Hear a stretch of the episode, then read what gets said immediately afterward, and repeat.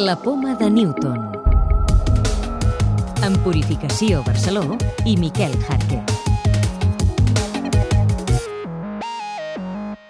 Avui dediquem la poma de Newton, l'espai de ciència de Catalunya Informació, al càncer. La Marató de TV3 i Catalunya Ràdio recapta fons per lluitar contra aquesta malaltia. Sense tu jo no puc, sense tu si no hi ets.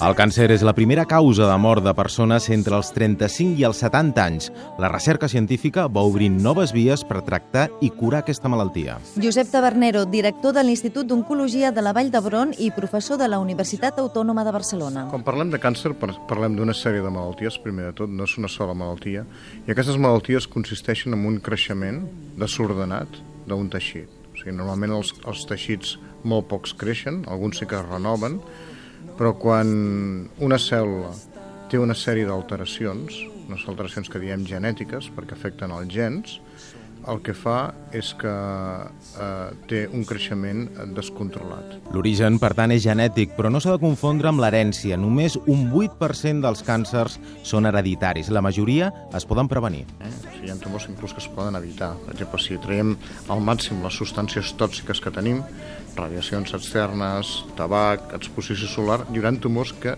ja n'hi apareixeran. En segon lloc, hi ha tumors que apareixen per l'edat perquè hi ha un envelliment del cos que amb això, evidentment, doncs no, no hi podem influir gaire o perquè hi ha un, un, una, un trastorn hormonal continuat, no?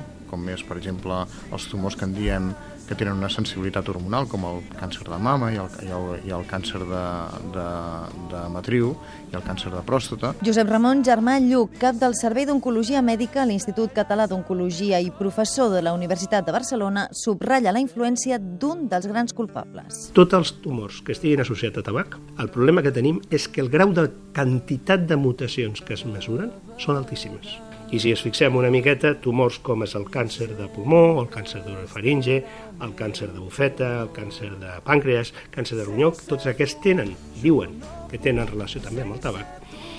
Ho tenim relativament fàcil, no?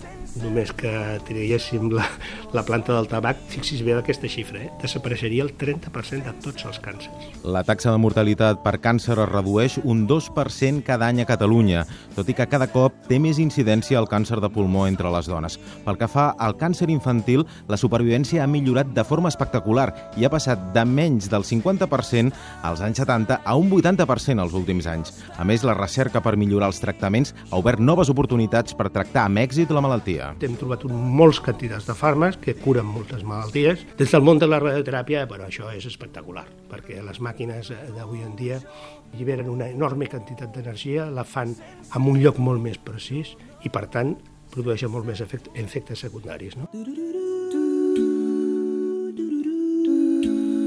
Els especialistes coincideixen a dir que el futur passarà per la investigació genètica, els tractaments cada cop més personalitzats i noves proves de diagnosi. L'objectiu és aconseguir que la malaltia es torni crònica.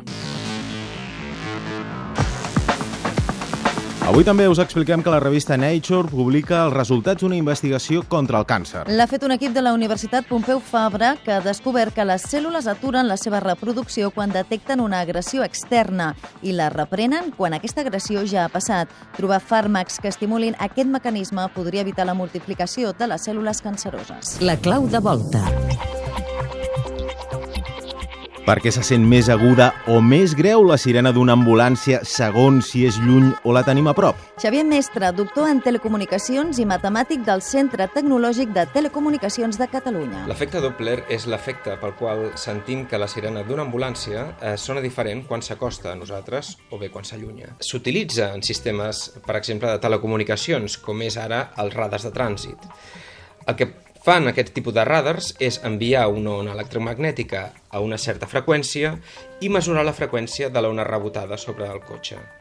La diferència entre les dues freqüències ens dona la informació exacta sobre quina velocitat circulava el vehicle.